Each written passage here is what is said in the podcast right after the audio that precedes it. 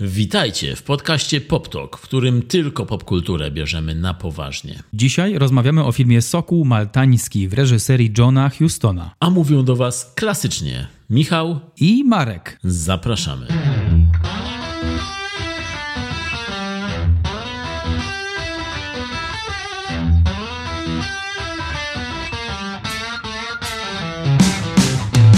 Pewnie słyszeliście kiedyś o perłach z lamusa. My mamy własne perły.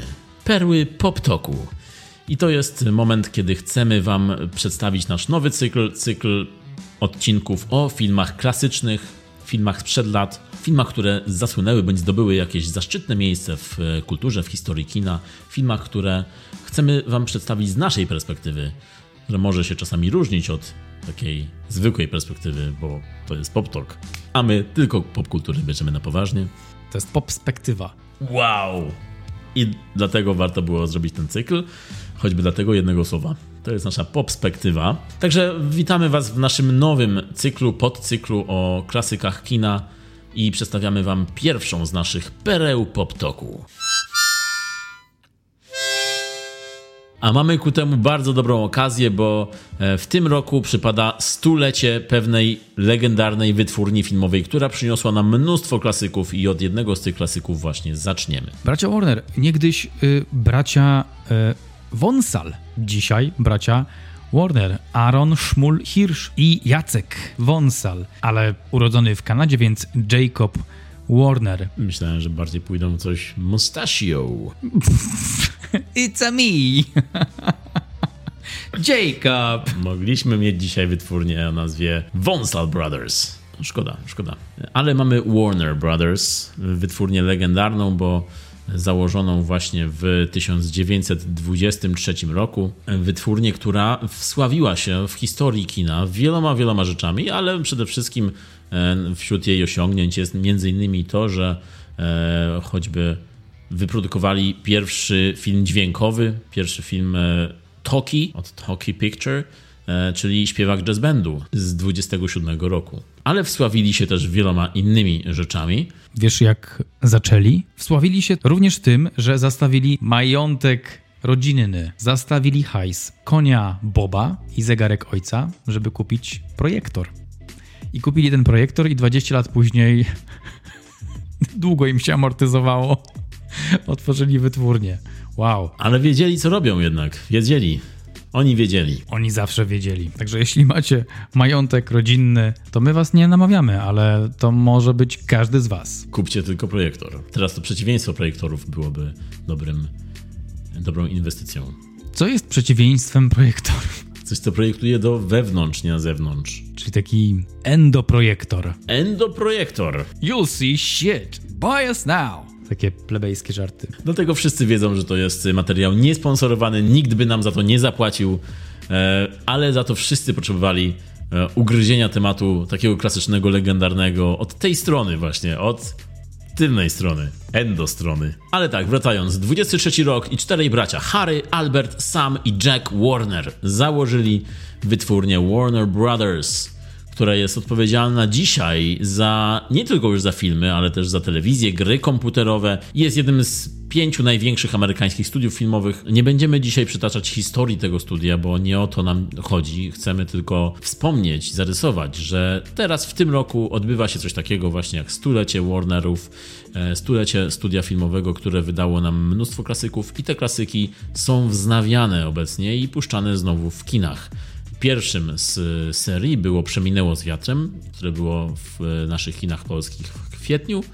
Drugim z kolei jest Sokół Maltański, o którym będziemy dzisiaj rozmawiać. Oglądałeś Przeminęło z wiatrem? Oglądałem, to było dawno, ale do dzisiaj pamiętam ten film i do dzisiaj uwielbiam ten film. I żałuję bardzo, że nie mogłem niestety go obejrzeć w kinie, kiedy właśnie e, była projekcja tego wznowienia a bardzo tego żałuję, bo chciałem bardzo iść, no ale no niestety się nie zgrało. Na pewno jest to jeden z moich takich ulubionych klasycznych filmów. A ty oglądałeś? Frankly, I don't give a damn. Tak, oglądałem. To jest najukochańszy film mojej babci. Nie wiem, czy wiesz. Nie ma powodu, żebyś wiedział, ale teraz już wiesz. Wiesz co, mogłem się domyślić, bo jest to chyba jeden z takich uniwersalnych filmów naszych babci. Mm. Czy mam? Pamiętam, jak się z nią spierałem na temat Scarlett. Y, Scarlett według mnie nie postępowała słusznie, a babcia broniła jej, zawsze jej broni, że Scarlett to właśnie postępowała bardzo słusznie. To jest odwieczna dyskusja, wydaje mi się. Zawsze synowie z matkami bądź babciami zawsze się spierają o to, czy Scarlett była dobrą czy złą e, w tej historii. I to jest też jeden z atutów tego filmu, że, że jego bohaterka nie jest krystalicznie czysta i opowiada historię z perspektywy kogoś, kto właśnie ma jakieś wady.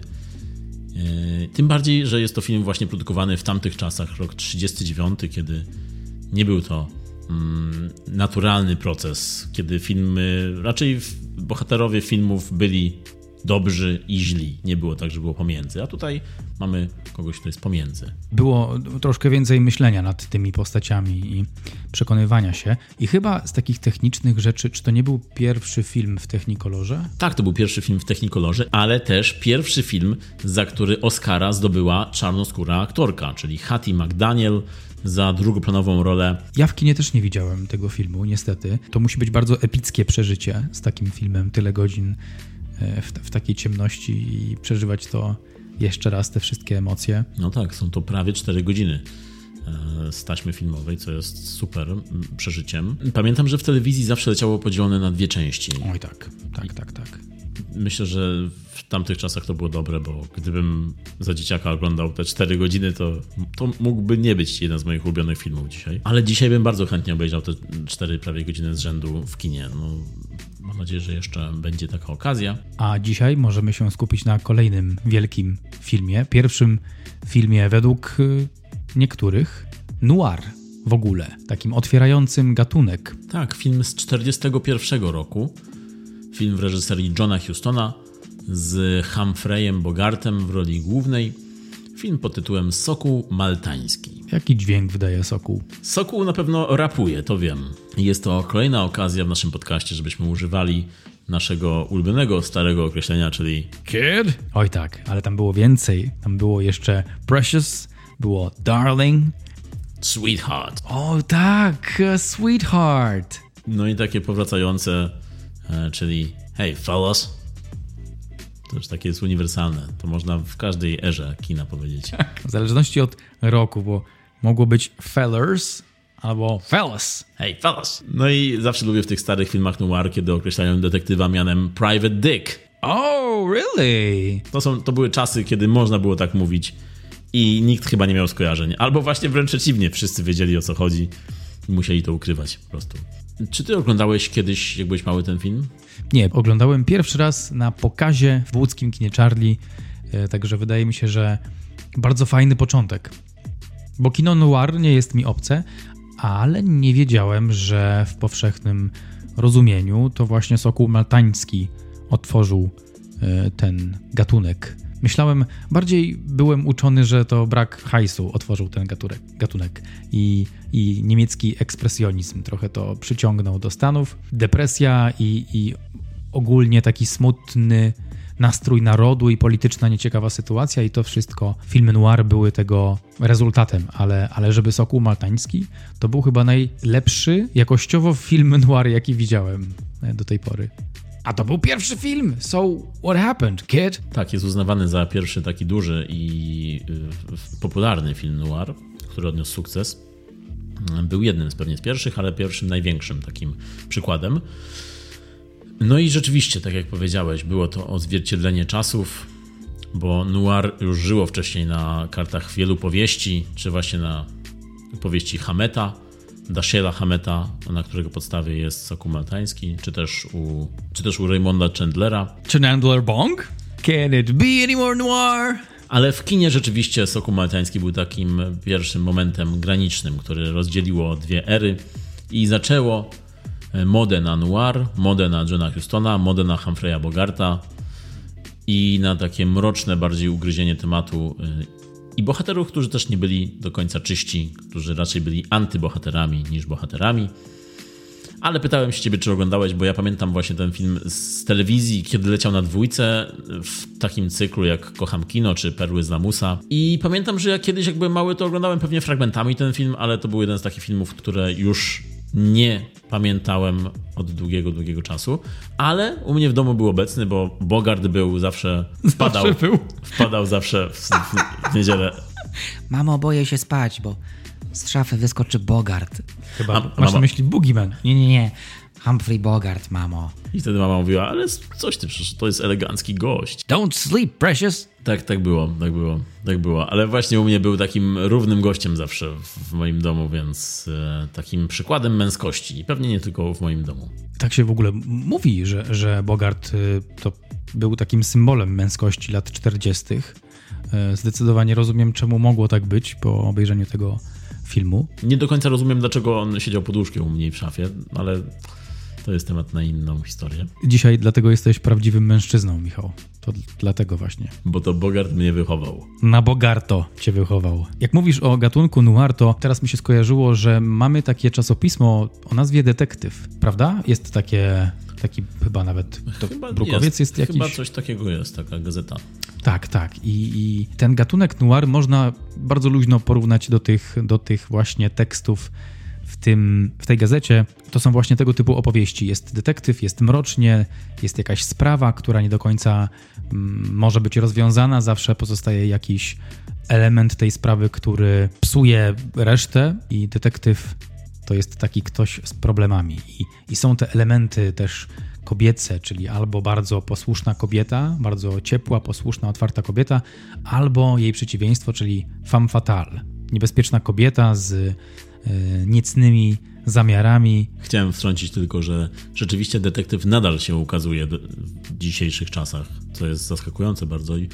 Detektyw jest to najstarszy polski miesięcznik w całości poświęcony tematyce kryminalnej i zaczął ukazywać się w 1987 roku. I niesamowite, że nadal, nadal wychodzi. Tak, są nieodłączne elementy gatunku noir, czyli właśnie ten detektyw, e, kapelusze, prochowce, cygara, whisky sączona ze szklanek. Femme fatale, o której powiedziałeś.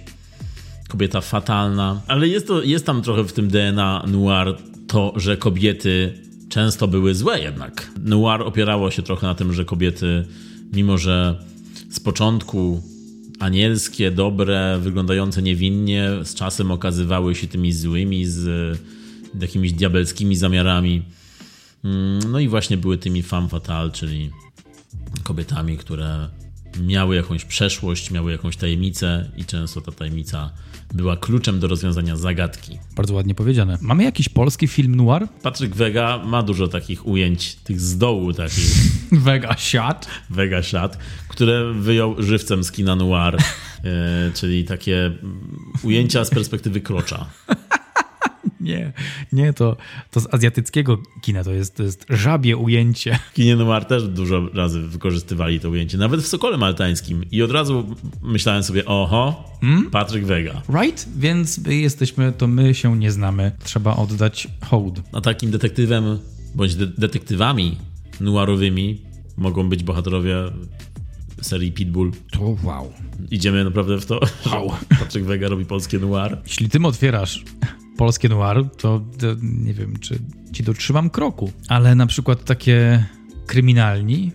O, Marek Włodarczyk A? i ten, jak on miał, zakościelny. Zakościelny przecież tam grał. Ten, co za kościoła wychodził zawsze. Tak, przed zachrystialny. Że zachrystialny. Nie no, on, on, myślę, że słyszał to już w swoim życiu. Mogło tak być, tak. W podstawówce. Hej ty, przedzachrystialny! Hono, masz szluga? Obstaw pojary. Także polskie kino noir hmm, praktycznie nie istnieje, innymi słowy. Są, są jakieś pojedyncze przykłady filmów, które starają się być noir, ale no nie, nie oszukujmy się. Y, no nie przychodzi do głowy film noir zrobiony w Polsce.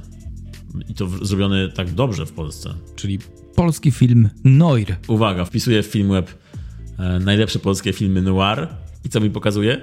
Brak danych do wyświetlenia. Także możemy jeszcze zacząć ten trend. Możemy z- zacząć robić takie filmy, pisać e, jakieś scenariusze noir, bo jest to nisza, jest to deficyt na naszym rynku. A kryminały w Polsce cieszą się dużą popularnością przecież. Mm, Zresztą, co widać po książkach Mroza. Tak jest. To jest ciekawe. Nie ma tego u nas. Nie ma u nas Noir, tego gatunku, a mamy taki potencjał na nierozwiązane sprawy. No jest jeszcze ojciec Mateusz. Wow! Maciej Zakościelny i ojciec Mateusz w ciągu pięciu minut. Ale jest y, cykl książek i filmów o detektywie Szackim, czyli Ziarno Prawdy, jest Uwikłanie. No, no, nie są to filmy noir, ale, ale w jakiś sposób kryminały są jednak u nas zawsze obecne. Tylko, że jednak kino noir wiąże się z czymś mrocznym, z czymś e, o konkretnym archetypie, schemacie, którego u nas raczej brakuje, a który jest typowo amerykański. Dlatego to, że to jest takie amerykańskie typowo kino, no to kiedy mówimy noir, kojarzymy właśnie USA. America! Fuck, Fuck yeah! To jest y, motyw przewodni Sokoła Maltańskiego. Ale osobą, która przeniosła pierwszy raz noir e, na ekrany jako to noir właśnie był John Huston, którego Sokół Maltański był debiutem. Debiut Jana Houstona. Mayday, Mayday, this is a debut by John. Ciekawe, że tyle czasu spędził e, na świecie, żyjąc, a dopiero tak późno zrobił film, którego był scenarzystą i reżyserem, Miał wtedy 35 lat, także gdy zrobił Sokoła. Tak. Czyli jeszcze jest czas. Dla mnie. no dla mnie nie. Sorry, Michael. Pamiętaj, że e, KFC powstało jak gościu miał 65 chyba? Wow. I nie pamiętam jego imienia. Taki sukces I osiągnął. dzisiaj nie żyje. And he's dead. I, za, i, I zaraz potem umarł. This is to die for. John Huston, reżyser takich filmów jak Skarb Sierra Madre albo Asfaltowa dżungla. To były takie filmy, takie trio powiedzmy, które przyniosło mu najogromniejszy sukces. Co ciekawe i mam nadzieję, że prawdziwe, to w filmie Sokół Maltański, ale też w Skarbie Sierra Madre grał jego ojciec, a za rolę w Skarbie dostał nawet Oscara. Także też tak samo jak David Waskevich z Sasquatcha z Przedmieścia angażował swoją rodzinę do swoich projektów filmowych. To jest dosłownie ta sama sytuacja. Myślę, że John Huston ucieszyłby się, że stawiamy go w jednym rzędzie z Dave'em Łaskawyczem. W drugą stronę może Dave no nie czułby takiego zaszczytu, ale Gdzie jest babcia, ja się pytam. Gdzie jest babcia Houstona? Houston, gdzie jest babcia? Where's the granny? Houston? Houston, we have a problem. We lost Granny. Jeśli nie słyszeliście naszego odcinka o Sasquatchu z Przedmieścia, to nie wiecie, o czym w ogóle mówimy. I jeśli jeszcze nas słuchacie, to jestem pod wielkim wrażeniem. Oh man, wróćmy, wróćmy na planetę Ziemię. Tak, John Huston pochodzi z rodziny filmowej hollywoodzkiej, bo tak jak powiedziałeś, jego ojciec Walter Huston był aktorem, zanim John został reżyserem, scenarzystą. I też y, dzięki y, ojcu, dzięki Walterowi, John y, wszedł w ten świat. I John Huston zaczynał jako scenarzysta, a jeszcze wcześniej zaczynał pisząc do różnych magazynów. I dzięki temu zaczął być rozpoznawalny jako autor historii, a ponieważ był to czas, kiedy kino dźwiękowe weszło, zaczął się popyt na scenarzystów, na autorów, na kogoś, kto będzie pisał te dialogi, te słowa.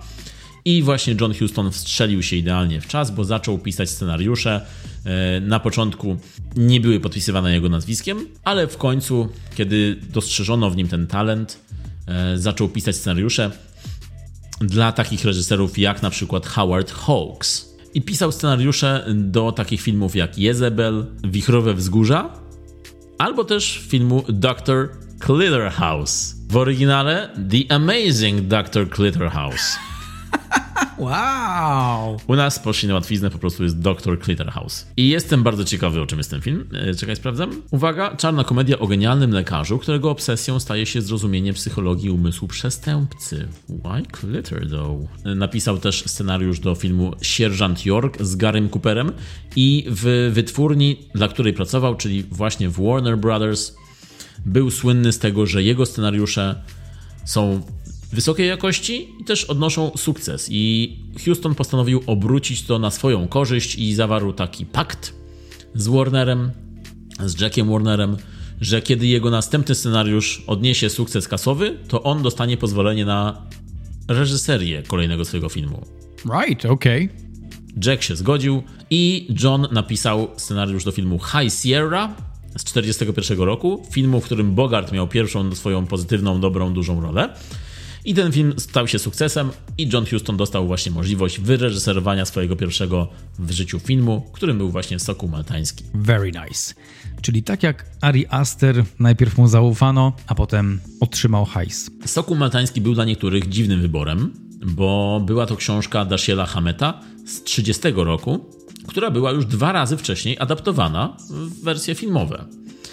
Ale John Huston stwierdził, że wcześniejsze wersje są do niczego. Podobno miał rację, nie wiem, nie oglądałem ich. I postanowił zrobić swoją, która będzie wierna książce, bo stwierdził, że błędem poprzedników było to, że po prostu odeszli od książki, od oryginału, który po prostu powinien być wzorem. I rzeczywiście tak się stało. Trzymał się książki, zrobił film wierny, adaptację.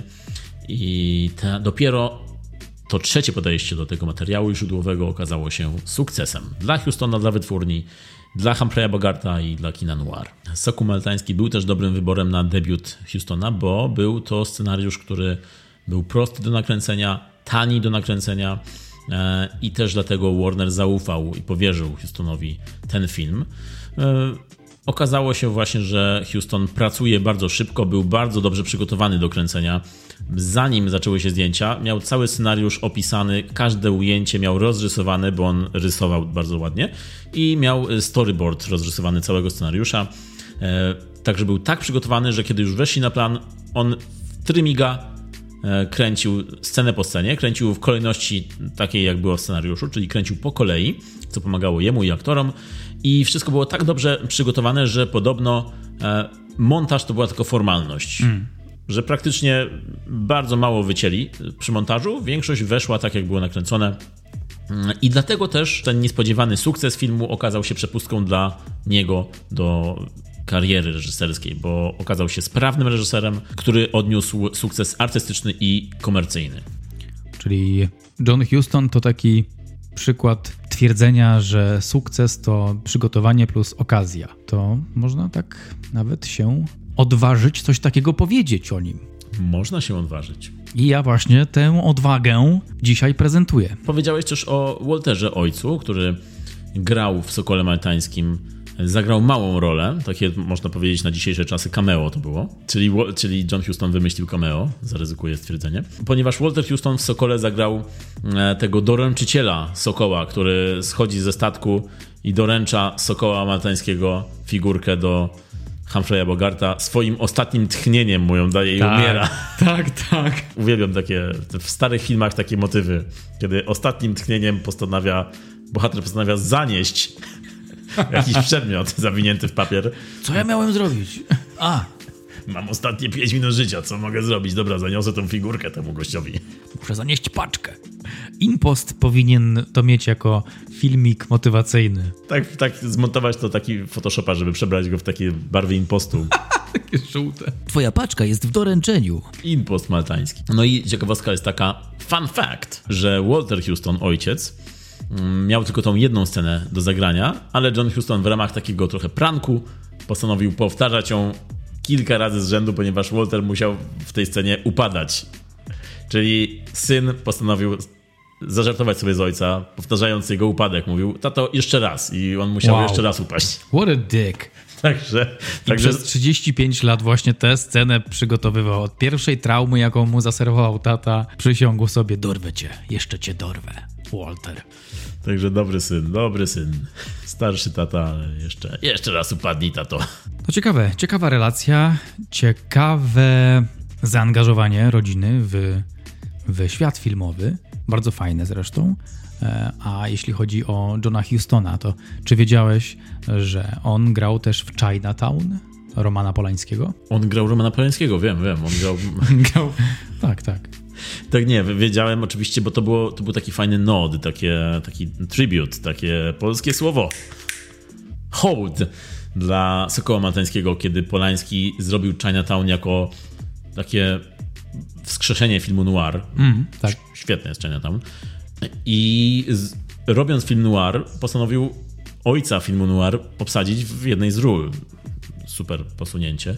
I John Huston właśnie grał tam jedną z takich bardziej niecnych postaci. Aż chce mi się powiedzieć zacytować jedną z postaci z filmu Narkotykowe Szaleństwo, powiedzieć Very nice! Dokładnie tak. Też bym tak e, zacytował właśnie w tym momencie. Ale w karierze aktorskiej Johna Hustona było też kilka innych ról, bo on oprócz tego, że pisał, reżyserował, to on przez całą swoją karierę grał też mniejsze bądź większe role w filmach, nie tylko swoich, w swoich też mu się zdarzało. Między innymi grał w filmie Casino Royale, w tej wersji komediowej z 67 roku. Grał tam rolę M, ale grał też w filmie Bitwa o planetę Małp e, oraz w filmie Sherlock Holmes w Nowym Jorku ale rolą w jego filmografii, która zawsze wywołuje we mnie największe emocje i największą konsternację, jest film z 1979 roku pod tytułem Goście, w oryginale The Visitor, koprodukcja amerykańsko-włoska, horror science fiction, który obejrzałem kiedyś z wypikami na twarzy, bo jest to jeden z najbardziej dziwnych filmów, jakie kiedykolwiek widziałem. I polecam każdemu film Goście z 79 w reżyserii Giulio Paradisiego. Film pełen rozmachu, film z niesamowitą obsadą, film wizjonerski, który nie ma do końca sensu, ale ogląda się go naprawdę na jednym tchu. E, także jeden z bardziej frapujących, imponujących, jednocześnie dziwnych filmów ever, w którym właśnie John Huston gra jedną z głównych ról i gra tam Jerzego Kolsowicza. No, ale gra w każdym razie Polaka, który się nazywa Jerzy Kolsowicz. W obsadzie jest też Sam Peckinpah, reżyser. W obsadzie jest też Franco Nero, reżyser włoski. Oraz Glenn Ford, znany aktor. Także niesamowita obsada, w ogóle niesamowita historia z tego filmu, niesamowity film, który jest jednym z dziwniejszych filmów, jakie obejrzycie. Polecam wam e, serdecznie. John Huston zmarł w 1987 roku w wieku 81 lat, a jego ostatnim filmem E, w reżyserskiej filmografii jest film Zmarli, The Dead z 87 roku, czyli roku, wow. w którym zmarł. Wow. Czy to nie było też tak, że on zmarł na planie? To było tak, że zaraz po kręceniu, po zakończeniu tego filmu zaraz zmarł. That's a wrap on the dead. That's a wrap on my life. Jego życie to był film, można powiedzieć. Tak, jego życie to był film. Takie klasyczne zakończenie. Takie pełne pereł klasycznych, takich jakie serwujemy w tym podcaście. Słuchacie pereł poptoku. Humphrey Bogart o Johnie Houstonie mówił, że ten jest pełen energii życiowej i plan razem z nim to czysta przyjemność, z tym, że mniej więcej ostatnie trzy tygodnie kręcenia podobno był już tak znudzony Houston, że myślał już o następnym filmie. Houston z kolei odwdzięczał się Bogartowi, mówiąc o Bogarcie, że jest on człowiekiem średniej postury z brzydką twarzą. I nawet zwracał się do niego jednym ze swoich przydomków, którym był Monster, czyli Houston do Bogarta mówił: Cześć, ty potworze. Ale za to zwracał mu e, honor e, tym, że kiedy Bogart był w odpowiedniej roli i w odpowiednim świetle, robił się po prostu wielki. Obaj panowie od czasu swojej pierwszej współpracy byli przyjaciółmi aż do końca życia. Życia Bogarta, bo ten jako pierwszy zmarł niestety na raka krtani w 1957 roku i John Huston był jedną z ostatnich osób, jaka widziała go przy życiu. Także Houston dał Bogartowi karierę, można powiedzieć, bo właśnie High Sierra z 1941 roku to był przełom w karierze Bogarta, a jeszcze większy przełom to był właśnie Sokół Maltański i rola sama Spade'a. Natomiast Bogart, zanim ten 41 rok nastąpił, on grywał w wielu, wielu filmach Warnerów, tyle że grywał tam zazwyczaj drugie role, drugoplanowe i były to zazwyczaj role gangsterów, kryminalistów, przestępców, czyli zazwyczaj tych złych. Ze swoją twarzą mówili mu, że może być tym złym w filmach i wychodziło mu to rzeczywiście dobrze, ale zawsze chciał czegoś więcej i dopiero dzięki Houstonowi stał się tym dobrym, nawet właściwie tym archetypem e, dobrego, no bo postaci detektywa. Z tym, że zawsze ten detektyw w jego wydaniu miał jakąś skazę, jakiś cień na swojej twarzy, i Bogart był w tej roli idealny. Idealnie pasował na taką postać, która jest w głębi dobra, ale na zewnątrz jednak ma coś, e, na, na coś jakieś występki, e, które nie są do końca dobre. Humphrey Bogart. Listen, precious. Nie, aż tak niskiego głosu nie będę miał jak on. E, ten rak krtani chyba, chyba rozumiem. chyba jednak rozumiem, bo tam po prostu kilometry sześcienne dymu papierosowego poszło w tej karierze, co się przysłużyło do jakości głosu, ale tylko przez pewien czas. E, dla mnie, dla mnie Bogart to jest Casablanca, ale od niedawna, od wczoraj, Bogart dla mnie to Sokół Maltański. Bardziej mi się podobał w Sokole, bo miał więcej takiej osobowości edgy. Był, był takim antybohaterem, dało się to bardzo wyczuć i w Casablance też trochę taki był, ale bardziej z perspektywy hej, przeżyłem trochę rzeczy, i teraz jestem takim wyciszonym, enigmatycznym typem, ale w Sokole Maltańskim miał w sobie, miał w sobie trochę takiego zawadiaki, takiego skurczybyka. Znał słabe punkty, potrafił to wykorzystywać, potrafił manipulować i był bardzo świadomy tych swoich umiejętności bardziej z obszaru cienia osobowości niż z tej jasnej strony. Także, także Bogart, maltański Bogart, dla mnie jak najbardziej. Dla mnie Bogart to jednak zawsze był i będzie Rick z Casablanki, e, bo tak jak powiedziałeś, on tam jest troszkę bardziej wyciszony, wycofany, melancholijny, bardziej taki mężczyzna z przeszłością, który więcej ma na myśli niż mówi, a tutaj bardziej jako Sam Spade w Sokole Maltańskim jest tym szybko mówiącym, cynicznym, zimnym draniem. I tak jak powiedziałeś, antybohaterem, e, Ktoś dobrze o nim kiedyś powiedział, że on jest tough guy on the outside, bittersweet on the inside. Czyli jest twardzielem na zewnątrz, a taki jest słodko-gorzki wewnątrz. No i rzeczywiście, kiedy się myśli o Bogarcie, to bardziej się myśli o tej postaci detektywa. Tym bardziej, że on zagrał nie tylko sama Spade'a, ale zagrał też Filipa Marlowa w filmie Wielki Sen, kolejnym filmie noir, wielkim filmie i wielkiej postaci e, kultowej. No i bardziej się właśnie myśli o tej jego cynicznej twarzy, z wielkimi oczami, z papierosem w, w, ustach. On w ogóle był świetny w użyciu tej swojej twarzy i oczu. On nawet jak nic nie mówił, to swoimi drobnymi gestami twarzy widać było dużo już u niego. Jak nic nie mówił, to nawet wtedy mówił. Bardzo dobrze to opisałeś i też bardzo dobry opis, jeśli chodzi o jego rolę w Casablance. Mam podobne odczucia i w Sokole fajne było to, że zobaczyłem go trochę innego. Odkrył więcej kart był taki bardziej wybuchowy tutaj, nie? Taki...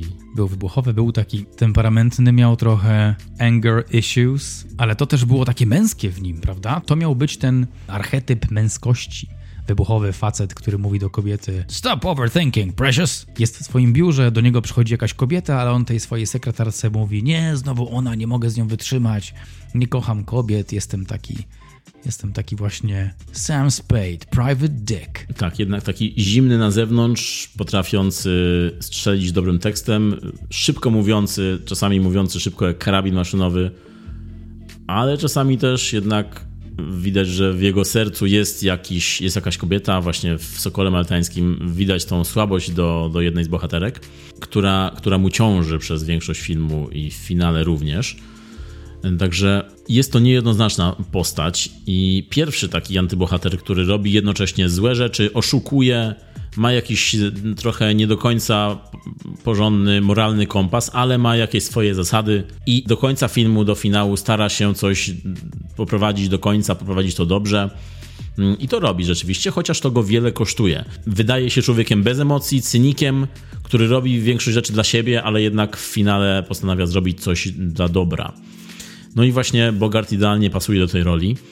Nie zapominajmy, że on e, w, tutaj w tym filmie jako Sam Spade, w samym, na samym początku filmu on traci swojego partnera, bo agencja detektywistyczna to jest nie tylko Sam Spade, ale też Miles Archer. Tą informację dostajemy na początku filmu, z tym, że Miles bardzo szybko ginie od strzału z pistoletu i jaka jest reakcja sama Spade'a? Zaskakująca, nie taka jakbyśmy się spodziewali. On był bardzo wyluzowany e, z tą śmiercią, tak szybko to zaakceptował. Wiedział, Archer wiedział, jakie ryzyko bierze na siebie, gdy zaakceptował tę robotę. That's the job. Precious. I od razu dwie sceny później wynieście biurko Archera, napiszcie moje nazwisko na drzwiach. tak, tak, zero żałoby. Zero. Zero. Marek, chciałbym, żebyś wiedział, że gdyby ktoś ciebie zastrzelił, to Weźmiesz wszystko, co tutaj leży. Od razu zmienisz nazwę PopTok. Michał Tok. Michał Tok. nie, zostawię twoje nazwisko w opisie, chociaż pamiętaj, że gdzieś będziesz. Witajcie w podcaście PopTok, w którym mówię tylko ja, Michał Miller. Marka biurko już dawno wynieśli. To nie brzmiało jak Bogart, to brzmiało bardziej jak e, Macaulay Culkin z Synalka, ale Tak, ja bym to zrobił e, jak Bogart z, z klasą. z klasą. Czyli na Instagramie bym wrzucił najpierw post żałobny jakiś. Moje zdjęcie w trumnie, ale w pełnym kolorze, w pełnej saturacji, z podpisem He dead. Jakiś beatbox bym na pogrzebie zrobił pewnie. Czy jest ktoś, kto chciałby cokolwiek powiedzieć na temat y, zmarłego? Michał bierze mikrofon i...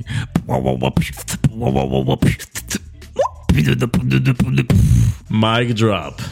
Mike, Mike. dropped the mic. Dosłownie. No także jakoś bym to uczcił, Marek, nie przejmuj się. Jakoś bym to uczcił. Za zachęcam cię do tego, żeby tak to właśnie wyglądało, żeby to nie było smutne, żebyś, e, gdy taka, jeśli taka sytuacja się wydarzy, Kiedy? gdy już nadejdzie pora, to żebyś zrobił ten beatbox. Wtedy się obudzę. Jak ty zaczniesz beatboxować, I'm there for you, bro. I okaże się, że to był wszystko tylko prank. Ciekawe się, aż zacznę beatboxować po prostu.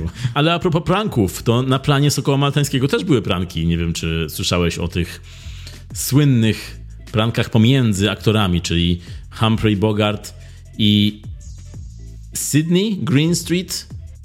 Między nimi był jakiś prank? Tak, kiedy fani podchodzili do nich, żeby wziąć autograf czy porozmawiać, to oni, y, oni wywoływali taką sytuację między sobą, zaczynali na siebie krzyczeć i zaczynali się kłócić między sobą, Okej. wkręcając tych fanów swoich, więc e, to było między nimi taki prank. E, ale za to Peter Lorre, który grał Cairo w filmie, on natomiast miał swój własny prank, czyli kiedy była przerwa w zdjęciach, on wychodził z przyczepy aktorki Mary Astor, oznajmiał głośno wszystkim, że wychodzi stamtąd, po czym zapinał rozporek i Oh, mówił man. dzięki Mary.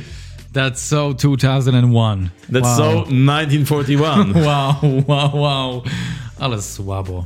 Także wyobraź sobie Peter Lorre, taki dobry aktor, patrz. Ale myślę, że Bogart i, ten, i inni się śmiali tam ostro na planie. Wow, to jest właśnie Hollywood. To są lata 40. w Hollywood. Kids. A propos Sydneya Green Streeta, który grał Kaspera Gatmana, to nie wiem, czy wiesz, ale to była jego pierwsza rola. To jest jego debiut aktorski, który według mnie he fucking nailed. Świetnie wyszła mu ta rola. To był mój ulubiony aktor, ulubiona rola tego filmu. Uważam, że był nawet lepszy niż Bogart miejscami. Był tak organiczny. Ja bym go polubił. Niby jest, on w, w opisach jest przedstawiany jako taki arcyłotr, taki mroczny arcyłotr, który chcecie wykorzystać na każdym kroku, ale ja bym, ja bym pewnie już dawno był okradziony przez niego, bo ja bym mu od razu zaufał. Fajne było to właśnie, że on potrafił stworzyć taką atmosferę, która sprawiała, że można było mu zaufać w moim postrzeganiu i był bardzo, bardzo oddany tej roli. Byłem pod wielkim wrażeniem. Tak, te sceny, kiedy gości sama Spade'a u siebie, częstuje go alkoholem i mówi do niego, że nie ufa ludziom, którzy nie piją w jego towarzystwie, którzy są e, cisi, bo coś ukrywają, nie chcą... że- no, Bardzo fajne dialogi, bardzo fajnie to opowiadał, aż też tak właśnie słuchałem go w zainteresowaniu, mówiłem, ej, gość ma trochę racji rzeczywiście, zaufałbym mu, a później właśnie tak wykiwał w ten sam sposób sama Spade'a, dając mu... Um, środek usypiający w dokładnie tym samym alkoholu, o którym wcześniej, który wcześniej tak zachwalał. Tak, tak, tak, tak. Także człowiek, który może cię, może cię nabrać, oszukać e, swoją dostojnością. I właśnie ten dostojny aktor Sydney Greenstreet, o którym wspomniałeś, on w wieku 62 lat dopiero zadebiutował e, na ekranie właśnie w tym filmie przed kamerą. Wcześniej grał w teatrze w Anglii i w Stanach Zjednoczonych. To był aktor teatralny, który którego John Huston przypadkiem jakoś znalazł i stwierdził, że okej, ty musisz zagrać u u mnie w filmie. Super, super decyzja. Podobno Green Street był na tyle zestresowany ten pierwszy raz przed kamerą, że były ujęcia, kiedy musiał łapać Mary Astor za rękę, bo tak się stresował. O ja. Czego kompletnie nie widać w ogóle na ekranie. W ogóle. Ma taką prezencję, obecność w tym filmie, że... Tak, w ogóle tego nie było widać. Widać było jedynie wyważenie z emocjami, wyczucie, wy, wykalkulowane to wszystko, ale w taki mądry sposób. Nie sztuczny, mądry, organiczny. W ogóle bym nie pomyślał, że się stresował. Unlike Lazar Rockwood, który również stresował się kolejna, kolejny reference do siódmej komnaty, do naszych nagrań z cyklu Trash Talk. Podcast, w którym porównujemy ogromne kino hollywoodzkie do filmów, które były stworzone za 250 dolarów. I Lazara Rockwooda do aktora, który miał nominację do Oscarów. Tak, Lazar pewnie też trzymał za rękę swoją partnerkę w tym filmie i nie tylko za rękę, zakładam. Ale też bardzo dużo się stresował, dużo papierosów palił, no tylko po nim to było widać. Po nim, tak, po nim to było zdecydowanie widać, tak. Do dzisiaj to widać po nim. Ale tak, y, Sydney Greenstreet po tym filmie, y, właśnie po tej pierwszej jego roli, stał się bardzo rozpoznawalnym aktorem i później grywał nadal w filmach razem z Bogartem, razem, razem z Peterem Lorre, w większości role drugoplanowe, jak w Casablance chociażby. I był za rolę w Sokole nominowany do Oscara. Swoja pierwsza rola i już nominacja do Oscara. I podobno był po wielu, wielu latach inspiracją dla George'a Lucasa przy stworzeniu postaci Jabby the Hutt. I to jest prawdziwy fun fact, to nie jest mój żart suchy, tylko Lucas sam powiedział, że to była jego inspiracja. Trochę fat shaming ze strony Lucasa, ale z drugiej strony w filmie Soku Maltański bohater Kasper Gutman, bohater e, Sydneya Greenstreeta, też jest traktowany jako człowiek gruby, wielki, przezywany przez innych. Fatman. Tak, i ta jego wielkość ma tutaj być bardziej dominująca, ma tutaj być jego jakąś cechą w tym filmie. Mm, mm. No bo w filmie mamy kilka stron i opowiada on o Samie Spade'zie i Milesie Archerze, który, jak już wspomniałeś, na, w pierwszych minutach filmu ginie tragicznie i ta zagadka nas ciągnie przez resztę filmu, bo nie wiemy kto go zabił i z jakiego powodu i sam Spade jest odwiedzany przez kilka osób w krótkim czasie, a zaczyna się od wizyty Bridget O'Shaughnessy. O'Shag? O'Shag Office? tak, ale wiesz, że wiesz, że polskie imię tych braci Warner, jednego z nich to jest Aaron, czyli A.A. Ron. A.A. Ron to the O'Shag Office. O'Shag Hennessy. You mean Principal O'Shaughnessy? Damn it, A.A. Ron. Osiak Hennessy. Osiak Hennessy. Także jak oglądałem Sokoła teraz przygotowując się i słyszałem jej nazwisko, to cały czas mi się kojarzyło. Oczywiście. Z, z Key and Peele, z Oczywiście. tym sketchem o nauczycielu. Jakoś to w sobie zepchnąłem w dół. Myślałem sobie, dobra, Marek, trzeba być poważnym, to jest czarno-biały film, więc nie śmiej się za każdym razem, gdy usłyszysz to nazwisko. Osiak Hennessy. Odsyłamy was do um, sketchy komediowych grupy Key and Peele, Jordana Pila i Michaela Kigana Kia. A więc Bridget Oshag Hennessy, jak już ustaliliśmy, odwiedza sama Spade'a Milesa Archera, oferuje zlecenie poszukiwawcze, chce znaleźć siostrę i męża i to jest zagadka numer jeden i po tej zagadce Miles Archer ginie i po tej śmierci sam Spade, grany przez Bogarta, niewzruszony, zmieniający nazwisko na drzwiach swojego biura detektywistycznego, e, zostaje odwiedzany przez kolejną postać, przez Joela Cairo, granego przez Petera Lorre, a ten oferuje mu 5 tysięcy dolarów za znalezienie tajemniczego przedmiotu sokoła maltańskiego, czyli takiego... Ten sokół maltański to jest taki McGuffin. Exactly czyli taki tajemniczy przedmiot, na którym każdemu z postaci w filmie zależy, ale jest to taki nieosiągalny przedmiot i wszystkie postaci skupiają się na tym, żeby go zdobyć. I to jest zagadka numer dwa. I to jest ta silna zagadka, która sprawia, że sam Spade goes out of his way i interesuje się tematem i podąża tym tropem. Bardzo fajna scena, bardzo się uśmiałem, jak, jak znokautował Joela Cairo. Sam Spade. Wow. Wszystkie sceny w ogóle, w których y, Humphrey kasuje typów są zabawne. I te, i te dźwięki, dźwięki slapów, dźwięki uderzeń. Listen, feller, I don't like the way you talk.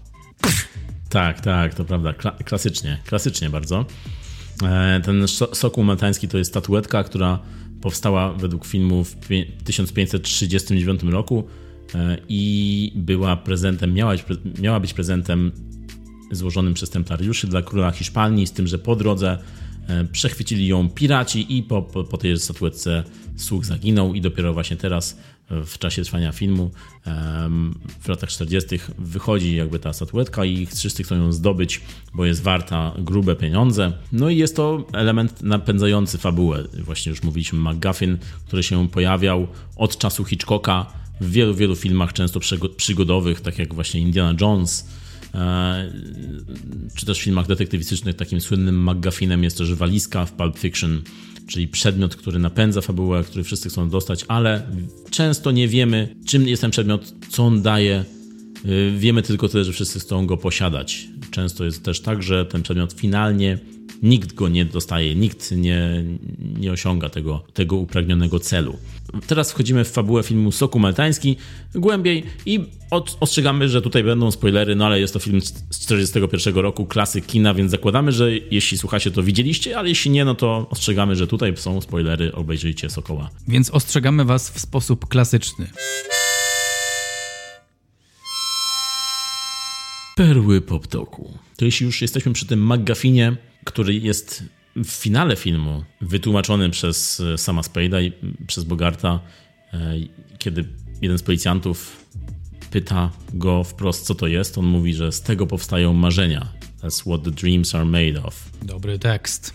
Tak, świetny, klasyczny tekst, finałowy tekst filmu, mm, który przeszedł do historii. No i jest to też trafne podsumowanie tego, i czym jest ten McGuffin, czym jest ta tytułowa statuetka Sokoła Maltańskiego dla bohaterów dla filmu, czemu każdy nadaje własne znaczenie i kiedy gonią tego Sokoła, tę statuetkę, u każdego widać chciwość na twarzach, ale też zagubienie, kiedy w finale okazuje się, że jest to fałszywa statuetka.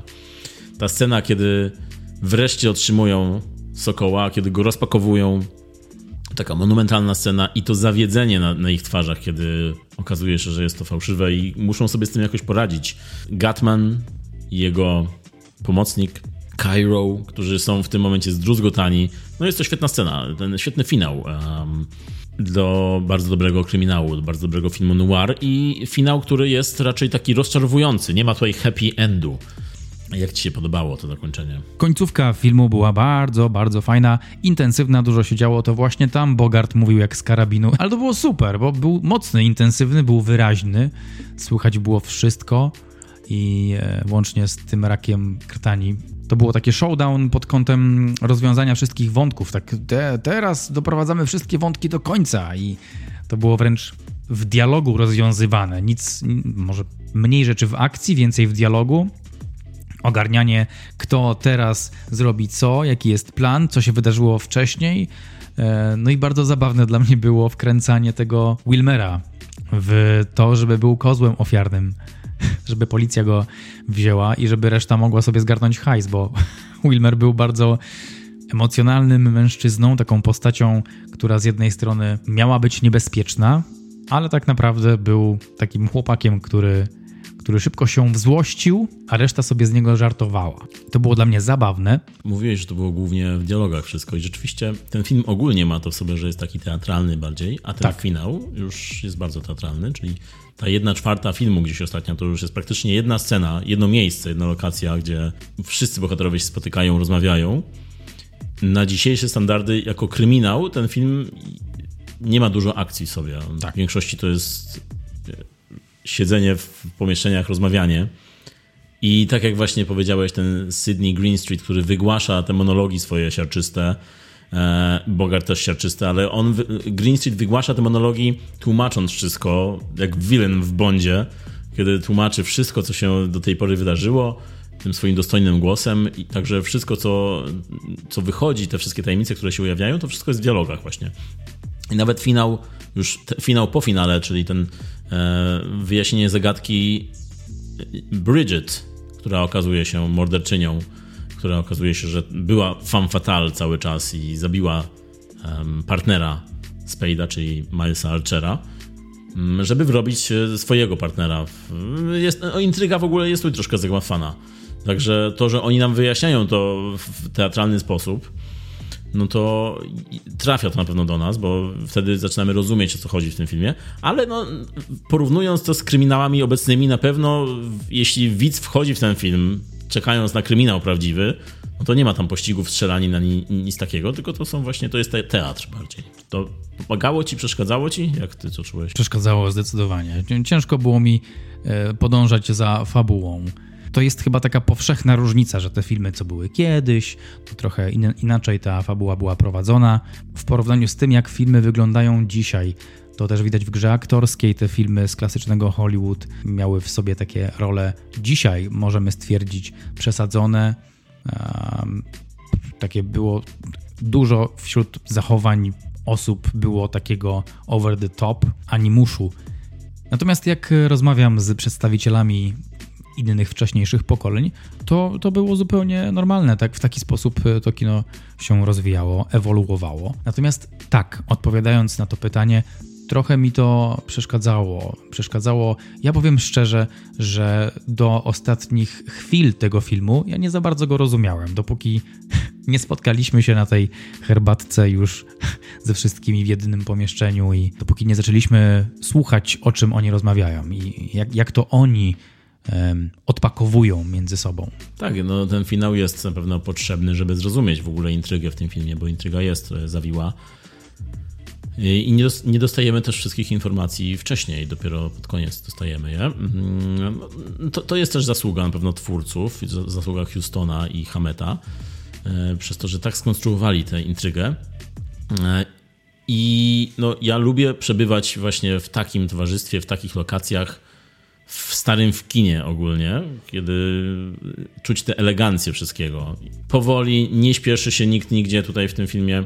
Wszyscy rozmawiają ze sobą na temat intrygi, ale no też na inne tematy. To jest fajne. E, I ten finał, e, ta, ta gdzieś ostatnia jedna czwarta filmu, czyli ten, ta długa scena, ona ma w sobie dużo żartów, dużo szybkich tekstów. E, na, na uwagę zasługuje też blocking, czyli ustawianie aktorów. Tutaj Houston był mistrzem w tym, żeby w ujęciu ustawić aktorów tak, żeby każdy miał swoje miejsce, każdy miał swój plan i żeby wyglądało to dobrze. Mm, no bo, tak jak już mówiliśmy wcześniej, on bardzo dobrze się przygotowywał do tego. E, skrupulatnie rozrysowywał każde ujęcie. No i tak, dialogi. Dialogi tutaj są, czasami można wyłapać jakieś perełki w tych dialogach. Jak e, szybko mówiący Sam Spade, który odpowiada na każde pytanie mm, jakimś quipem, jakimś tekstem, jak co pan powie na 100 dolarów, a on mówi, powiem, że chce 200. tak, tak. Albo jak mówi do tych dwóch policjantów, którzy go przesłuchują i... To też było zabawne. Ta rozmowa w ogóle z nimi była bardzo, bardzo zabawna. I to, że też tak szybko, bardzo e, szybko, szybko mówił. Tutaj w ogóle ciekawostka jest taka, że oglądałem film dokumentalny o kręceniu tego filmu i tam było powiedziane, że jeden z producentów podczas oglądania materiałów e, kręconych przez Houstona miał taką uwagę do, do Houstona, że Humphrey Bogart mówi za wolno. Wow. I mówi, mówił, że, że jest zbyt taki na luzie, zbyt y, powolny, żeby przyspieszył. Czyli znowu narkotykowe szaleństwo Play It Faster. To był, był Ralph tam za kamerą i tak. mówił tak do Humphreya Bogarta. Tak. I dlatego Bogart tak mówi w tym filmie. Tak, it's all connected. Faster. No i właśnie przez to, że, że, że ta notka była taka, żeby mówił szybciej, to wydaje mi się, że przez to te wszystkie dialogi Bogarta są takie szybkie, bo one czasami są bardzo, bardzo szybkie i nawet jest taka scena, gdzie on um, opiera się o biurko, stoi i mówi tak bardzo, bardzo szybko do jednej z postaci i obok siedzi taki gość, co notuje na maszynie do pisania. tak. I w pewnym momencie Bogart sam Spade zatrzymuje się mówi, nie za szybko dla ciebie? To uznałem to za taki żart chyba do, do tych producentów, którzy właśnie chcieli, żeby było szybciej, a on tutaj był na maksymalną prędkość wrzucał. E, także, także taka ciekawostka. No i te dialogi, tak jak już mówiliśmy, one są często komediowe perełki, tam są często komediowe perełki. Czasami w ogóle brzmiały mi te dialogi jak Frank Drebin w Nagiej Broni. Okej. Okay. W ogóle, wow, Leslie Nielsen. Dziękuję, dziękuję ci, że, że przywołujesz go do naszego codziennego życia. To prawda, zawsze warto wspomnieć o Leslie Nielsenie.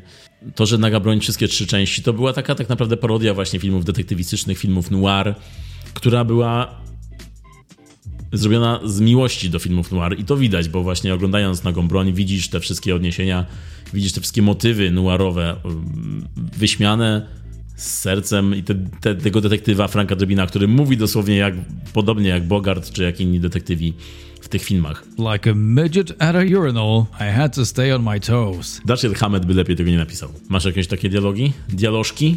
Listen, kid. Dla mnie te dialogi były zabawne po prostu, bo to jest taka różnica interakcyjna. My już trochę inaczej do siebie mówimy i tak jak podejrzewam, nie wiem, pokolenie Z, jak patrzy na ten film, to, to myśli sobie piramidy. Ja tak miałem na pewno, jak patrzyłem na te dialogi. Były czasem, czasem sama interakcja między kobietą a mężczyzną, w której to mężczyzna był tym dominującym i ważniejszym, a kobieta była tą e, posłuszną i e, niesprzeciwiającą się postacią. To, to były zabawne takie interakcje, bo to, to jest kompletnie nie moje doświadczenie. i, e, i podejrzewam, że w większości z nas w dzisiejszych czasach. Więc te interakcje były po prostu e, zabawne. No i sam fakt, że tyle razy miał jakiś przyrostek do tych zdań w postaci precious, sweetheart, darling, bardzo często się pojawiało, kid też się pojawiło. To jest taka wizytówka tamtych czasów, która jest dla mnie w pewien sposób urocza też. Ale z drugiej strony może być też to takie protekcjonalne dzisiaj, jak na to patrzymy. I sceny walk to jest coś e, na co Keanu Reeves by się nie zgodził. Ale, ale tak, no te sceny, w których mieli starcia chłopaki, e, Bogart tak, e, tak łapał tych swoich przeciwników za marynarkę i trzymał w powietrzu dłoń tak, tak ściśniętą w taką półpięść, która miała już ten widok miał grozić tej postaci i nam, i to był dla nas taki efekt wymierzonej broni, czyli wiemy, że wystrzeli, ale nie wiemy kiedy. I ten Bogart w końcu wystrzela i to jest takie satysfakcjonujące. Tak, tego się już, to jest coś, czego się już nie robi w dzisiejszych czasach. Nie łapie się tak za marynarkę, nie podnosi do góry i nie, nie grozi się tak wymierzeniem policzka, nie? Nie widuje się tego dzisiaj na ulicach. Musimy to zrobić. Musimy wrzucić. Let's bring back Bring back Bogart. To, co się jeszcze zestarzało w tego typu filmach, też w Sokole, ale też to, co mi się skojarzyło z filmem Narkotykowe Szaleństwo, Reefer Madness. There it is. To jest to, że ten e, jeden z pomocników, Wilmer, mówią do niego dosłownie kid, mówią do niego, że ty jesteś taki młody, nie wiem, on tam ma mieć chyba z 18 lat. Patrzysz na niego i widzisz, że to jest jakiś gość w wieku Bogarta. I to, a on jest traktowany przez wszystkich jako hey kid. To jest zawsze ta sama kwestia w e, filmach z tamtych czasów. Nie było po prostu młodszych aktorów. Okej, okay, dobrze. Mówiliśmy, że to jest film teatralny bardzo, e, ale jeszcze nie mówiliśmy o tym, że ten film ma bardzo ładne zdjęcia. Nie wiem, czy zwróciłeś uwagę na, z, na zrobienie, na, mm, na realizację, czy zwróciłeś uwagę? Tak, zgadzam się. Piękne miał zdjęcia, bardzo przemyślane to wszystko było. Zresztą no, to było bardzo przemyślane wszystko. To wyglądało jak piękny, jakościowy, przemyślany produkt, całość. Tak, jak lata 40. i porównując, porównując na przykład właśnie z narkotykowym szaleństwem, no to tutaj widać tę finezję z, mm. zdjęciową. Mm. Operatorem był Arthur Edison, gość, który robił wcześniej przed y, Sokołem Maltańskim, robił filmy Monster Movies dla Universal Pictures. To, to Monster Movies może troszkę być tutaj połączeniem z tym kinem noir, bo jednak kino noir to jest takie mroczne, są mroczne kadry, i te postaci detektywów mm, czy tych złol, złoli pokazywane są tak z, troszkę z dołu, w takich przekrzywionych ujęciach. To jest troszkę taki niemiecki ekspresjonizm. I te cienie y, i gra tego, y, tego kontrastu między ciemnym a jasnym tutaj bardzo fajnie wygrywa. Tak, to nawet jest wspomniane w notatkach dotyczących tworzenia filmu, że ten kontrast był taką również przemyślaną rzeczą, ale nawet jak oglądamy ten film, to możemy zwrócić uwagę na kadry, w których dzieje się mnóstwo rzeczy i każdy plan jest wyraźnie zaznaczony albo postacią, albo jakimś meblem, albo jakimś światłem, albo czymś dziejącym się jeszcze w dalszym, drugim, trzecim planie, e, co, co naprawdę sprawia takie wrażenie przygotowanego ujęcia. Ktoś wchodzi do czyjegoś mieszkania, otwierają się drzwi, białe drzwi, za którymi jest ktoś, kto te drzwi otwiera, odsłaniając przy okazji osobę, która siedzi na białej kanapie w czarnym stroju na trzecim planie. E, pomieszczenie jest w odcieniach bieli i szarości. No to wszystko ma głębie, to wszystko jest smakowite takie. Też masz takie wrażenie, że tak. Tak, rzeczywiście bardzo dobrze mi się oglądało to i, i było to smakowite, tak jak powiedziałeś. E, było to, zwłaszcza to jest, e, robi wrażenie, że Houston był debiutantem robiąc ten film, a zdjęcia i w ogóle sposób zrobienia tego filmu, montażu, no, no jest nowoczesny dosyć. Tak, nawet te przejścia delikatne w montażu. E, przechodząca postać zmienia, zmienia scenę w taki delikatny, płynący sposób. Tak, tak, byłem pod wrażeniem też tych rzeczy. Tak, nawet ten właśnie finał, sama ta ostatnia scena, jak e, eskortują Bridget do windy, ona z, za tymi kratami jest pokazywana, zjeżdża w dół, wiadomo, w dół, czyli źle, e, piekło. Super. Wiadomo, w dół źle. w górę dobrze. W górę dobrze. W górę dobrze. E, tak, no, zjeżdża dosłownie do piekła, ale Bogart idzie za nią schodami też w dół. Po, tym, po tej ostatniej dosyć emocjonalnej scenie, kiedy Bogart musi wydać swoją. No, widać, że osobę, do której coś czuje i musi ją wydać, decyduje się na, na ten ruch, żeby oddać ją policji. I w tym jednym z ostatnich dialogów, e, monologów do niej, mówi, że będzie na nią czekał, kiedy wyjdzie po tych 20 latach, chyba że nie wyjdzie, chyba że ją powieszą, to wtedy będzie ją pamiętał. No, dialog ostatni mocny, mocny. That was dark, man. Było, dosłownie, no. Jeszcze w tej scenie, w której ona właśnie zjeżdża w dół, co oznacza, że źle. Te, e, jak winda się zamyka, to widzimy, że cień krat z windy pada na jej na jej twarz, na jej oczy, co nam bardzo mocno sugeruje. To jest, chcę użyć słowa okluzja, czyli takie nałożenie przedmiotu na przedmiot, który nas interesuje, zasłaniający trochę ten nasz główny przedmiot, która sugeruje, że she's going to jail, że to jest dla niej koniec, że to jest właśnie ta, ta kara, która, która ją spotkała.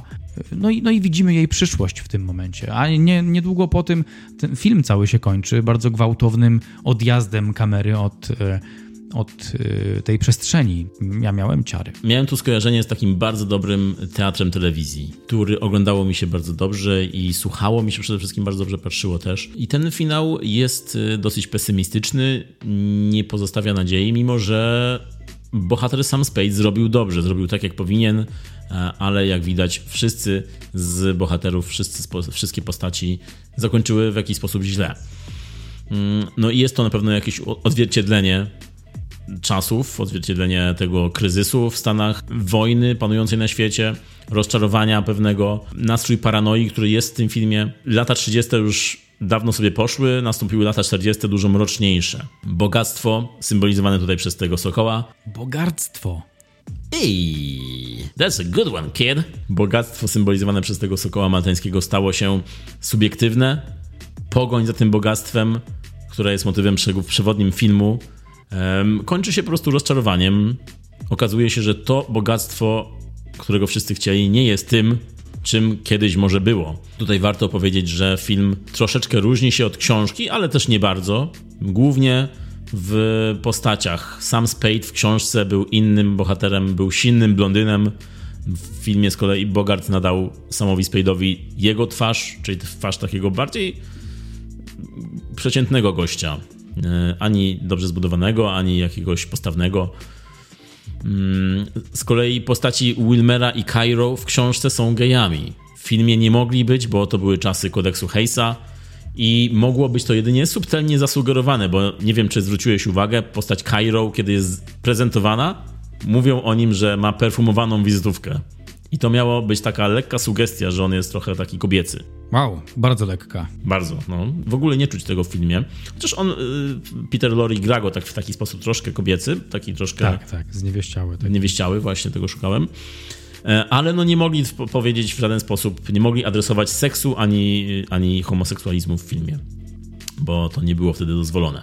Z kolei seks był tutaj zasugerowany w pewnej scenie, kiedy Sam Spade odbiera od swojej sekretarki tego, tą paczkę z sokołem i mówi jej, kiedy on jej dziękuję i przeprasza, że musi przychodzić w nocy i ona mówi, że to nie pierwszy raz, kiedy pojawia się u niego w nocy. Tak, tak. Także są tutaj zasygnalizowane takie kontakty seksualne między bohaterem a sekretarką, a nawet tą swoją klientką, w której się zakochuje, ale nigdy nie jest to bezpośrednio pokazane, ani nikt o tym nie rozmawia, no bo to były takie czasy. Ciekawe, że w tego rodzaju filmie mamy takie ograniczenia. Film opowiada o morderstwie, o mrocznych rzeczach, jest to kino pełne dorosłych, toksycznych osób, a o seksie czy o homoseksualizmie to jest dziwne.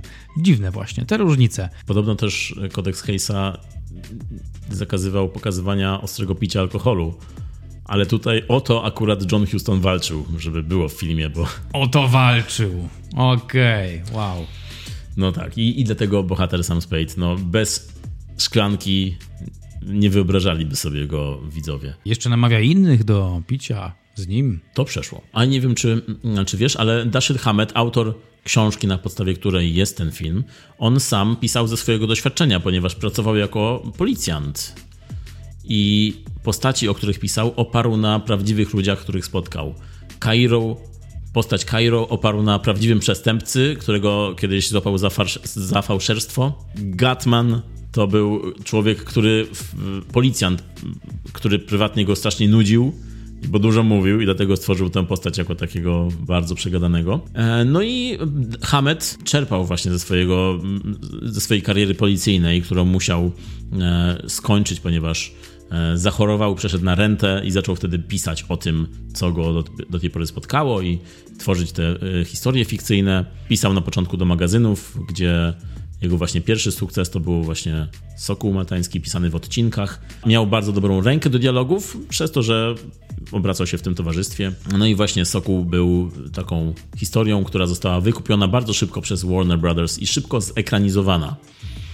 Bo tak jak już wcześniej wspomnieliśmy, były Sokół Maltański to była trzecia adaptacja. Pierwszy raz ten film był zrobiony w 1931 roku jako taka E, wersja, która miała mało wspólnego z książką, była bardziej taką sexy wersją tego kryminału. Film, który zarobił sporo, ale który miał słabe opinie. Sam Spade był tam w ogóle innym człowiekiem. No i były tam sceny adresujące homoseksualizm postaci, przez które to zresztą później film nie mógł być dystrybuowany w kinach, bo było to zakazane. No i druga wersja to była komedia. Komedia, ten film był później komedią pod tytułem Satan Met a Lady. Szatan spotkał damę. I w tym filmie Sokół Maltański jako figurka zmienił się w jakiś róg bawoła, a sam Spade jako detektyw był już bardzo takim roześmianym, głupawym detektywem. Film komediowy, który odniósł całkowitą klęskę w kinach i te dwie wersje na kolejne kilka lat zniechęciły twórców i producentów do inwestowania w to, ale jednak zaufali Houstonowi na tyle, żeby stworzył swoją wersję i bardzo dobrze, bo powstał właśnie taki klasyczny film jak Sokół Maltański. Film, który jako jeden z pierwszych 25 filmów został wpisany do Biblioteki Kongresu Amerykańskiej. Jest na liście AFI, American Film Institute, no i symbolicznie jest to właśnie pierwszy film noir. Do Sokoła Maltańskiego miał powstać sequel, miała być druga część, pracowali nad tym nawet Houston, Bogart i Hammett, ale nie dograli terminów, nie, do, nie dograli pewnie też pensji. E, ci dwaj pierwsi mieli już inne plany na kolejne swoje produkcje, e, dlatego druga część ostatecznie nie powstała, ale w 1975 roku powstał sequel będący troszkę parodią, czyli film pod tytułem The Blackbird, Czarny Ptak z George'em Seagalem. I to jest też taka ciekawostka dla tych, którzy widzieli film. Możecie sobie wrócić do tych postaci w filmie Black Bird, który opowiada o synu Sama Spade'a. Sam Spade umiera i Sam Spade Jr. przejmuje inicjatywę. Perły poptoku. Popsumowanko. Listen here, precious. Sokół maltański, co mogę powiedzieć? Maltese Falcon. Po pierwsze, nie wiem jak wygląda sokół to jest praca domowa, którą muszę odrobić. Po drugie, mam nadzieję, że ten soku pochodzi z Malty, bo jeśli nie, to jestem kompletnym ignorantem. A po trzecie, po trzecie, najważniejsze, to bardzo zadowolony byłem z tego seansu. Ze wszystkich powodów, które wymieniliśmy dzisiaj, według mnie klasyk, klasyk noir, którego bym nawet nie nazwał filmem noir, bo dla mnie filmy noir są jeszcze mroczniejsze, jeszcze ciemniejsze. Tam jest mrok, tam jest cień, tam jest chiaroscuro, na, do potęgi i ledwo widzimy te postaci i widzimy tylko wystające bronie z, z pod płaszczów i olśniewająco jasne blondynki schodzące z hektara schodów, patrzące na naszych biednych bohaterów, którzy nigdy nie rozwikłają tej zagadki, ale będą zniszczeni potłuczeni. Bogart nie był potłuczony ani zniszczony w tym filmie. E, wręcz przeciwnie, był w całkiem dobrym humorze, więc, więc dla, mnie, dla mnie tak, to, to nie spotyka się tak do końca w pełni z gatunkiem noir, czarnym kinem, Piękne zdjęcia, bardzo przemyślane wszystko tam było. Jakościowo jest cudowny ten film. Cieszę się, że widziałem w kinie i polecam obejrzenie tego filmu w bardzo dobrej jakości, bo to jest bardzo ważne. Zwłaszcza pod kątem tych kontrastów i pod kątem budowania pierwszego, drugiego i trzeciego planu i tego, jak te postaci wyglądają w tej kamerze i jak, jak nie tylko e, werbalnie dają nam znać, jaką postacią są, ale też wizualnie. Dla mnie to też było odkrycie nowego Bogarta. Super go było widzieć z, tak, z takim większym zasięgiem emocjonalnym i takiego bardziej wydzierającego się, z takim przytupem, a, ale też takiego przebiegłego. Sydney Greenstreet świetny, świetny facet, którego chciałbym poznać w, w życiu prywatnie, gdyby jeszcze żył. Chciałbym do niego podejść i powiedzieć mu taki żart, żeby, żeby mnie tym swoim rubasznym śmiechem z przepony ogrzał jeszcze bardziej tą atmosferę. Także ode mnie polecam wam ten film. Nie jestem przekonany, czy jako początek przygody z kinem noir pewnie poszedłbym w może kobietę kot. Tom z Holly Berry? nie, nie chodziło mi tak, pomyliłem się. Chodzi mi o film Cat People, ludzie koty. Tam jest wyraźnie skomplikowana postać damska, albo od filmu Podwójne Ubezpieczenie. Tam już w ogóle jest według mnie taki klasyk, klasyk noirowy, ale to tylko moja perspektywa. No i oczywiście filmy o Batmanie, bo Batman to też film noir. Mamy postać femme fatale, Catwoman, Mamy detektywa, najlepszego detektywa na świecie, który próbuje rozwikłać zagadki, ale zawsze tych kilku wskazówek mu brakuje i nie może doprowadzić sprawy do końca, ale się nie poddaje. Filmy nocy, zwykle Batman działa w nocy. Także to, to jest takie ciekawe ogólnie wszystko. Ciekawy gatunek, ciekawa jest historia powstania tego gatunku i tego, w jaki sposób się potem rozwijał. Także z mojej strony to tyle. Wszystkiego najlepszego, bracia Warner. 100 lat, 200 lat, 300 lat.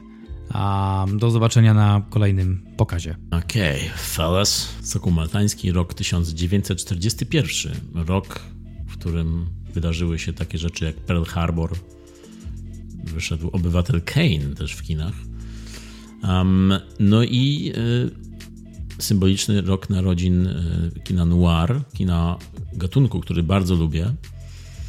Kina pełnego detektywów w prochowcach, kapeluszach, pełnego budek telefonicznych, picia na służbie, fabuły streszczanej nam przez nagłówki gazet, e, pełnej, pełnego szybkich dialogów, no i femme fatale, pełnego kobiet fatalnych.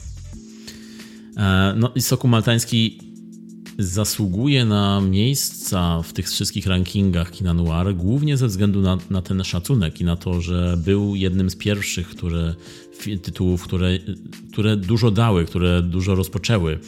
E, film, który zrobił z Bogarta gwiazdę, rozpoczął e, karierę Johna Hustona, też rozpoczął ich przyjaźń. No i film, którego sukces krytyczny i kasowy właśnie dał dobry start dla kina noir.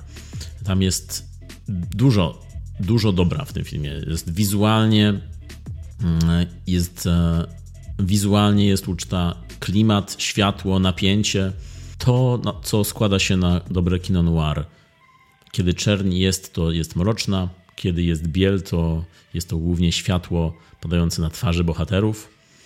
Kamera jest ustawiona nisko, cienie padające na ściany, asymetryczne ujęcia, postaci pokazywane od dołu czyli trochę jak u Patryka Wegi. Ale też długie, długie monologi tłumaczące zawiłości wszystkich intryg i tłumaczące zagadki.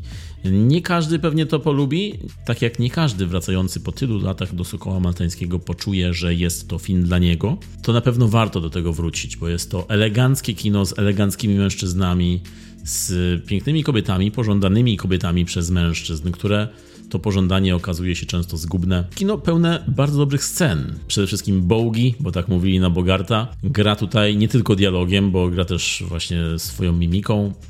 Na przykład jak w, jak w scenie, kiedy wdowa po jego partnerze e, przychodzi do jego biura i oskarża go, że to on zabił i kiedy, jego, jego reakcja wtedy jest złota, kiedy idzie do tego biurka, siada na biurku, klaszcze w ręce, uśmiecha się i przez zaciśniętą szczękę zaczyna mówić do niej.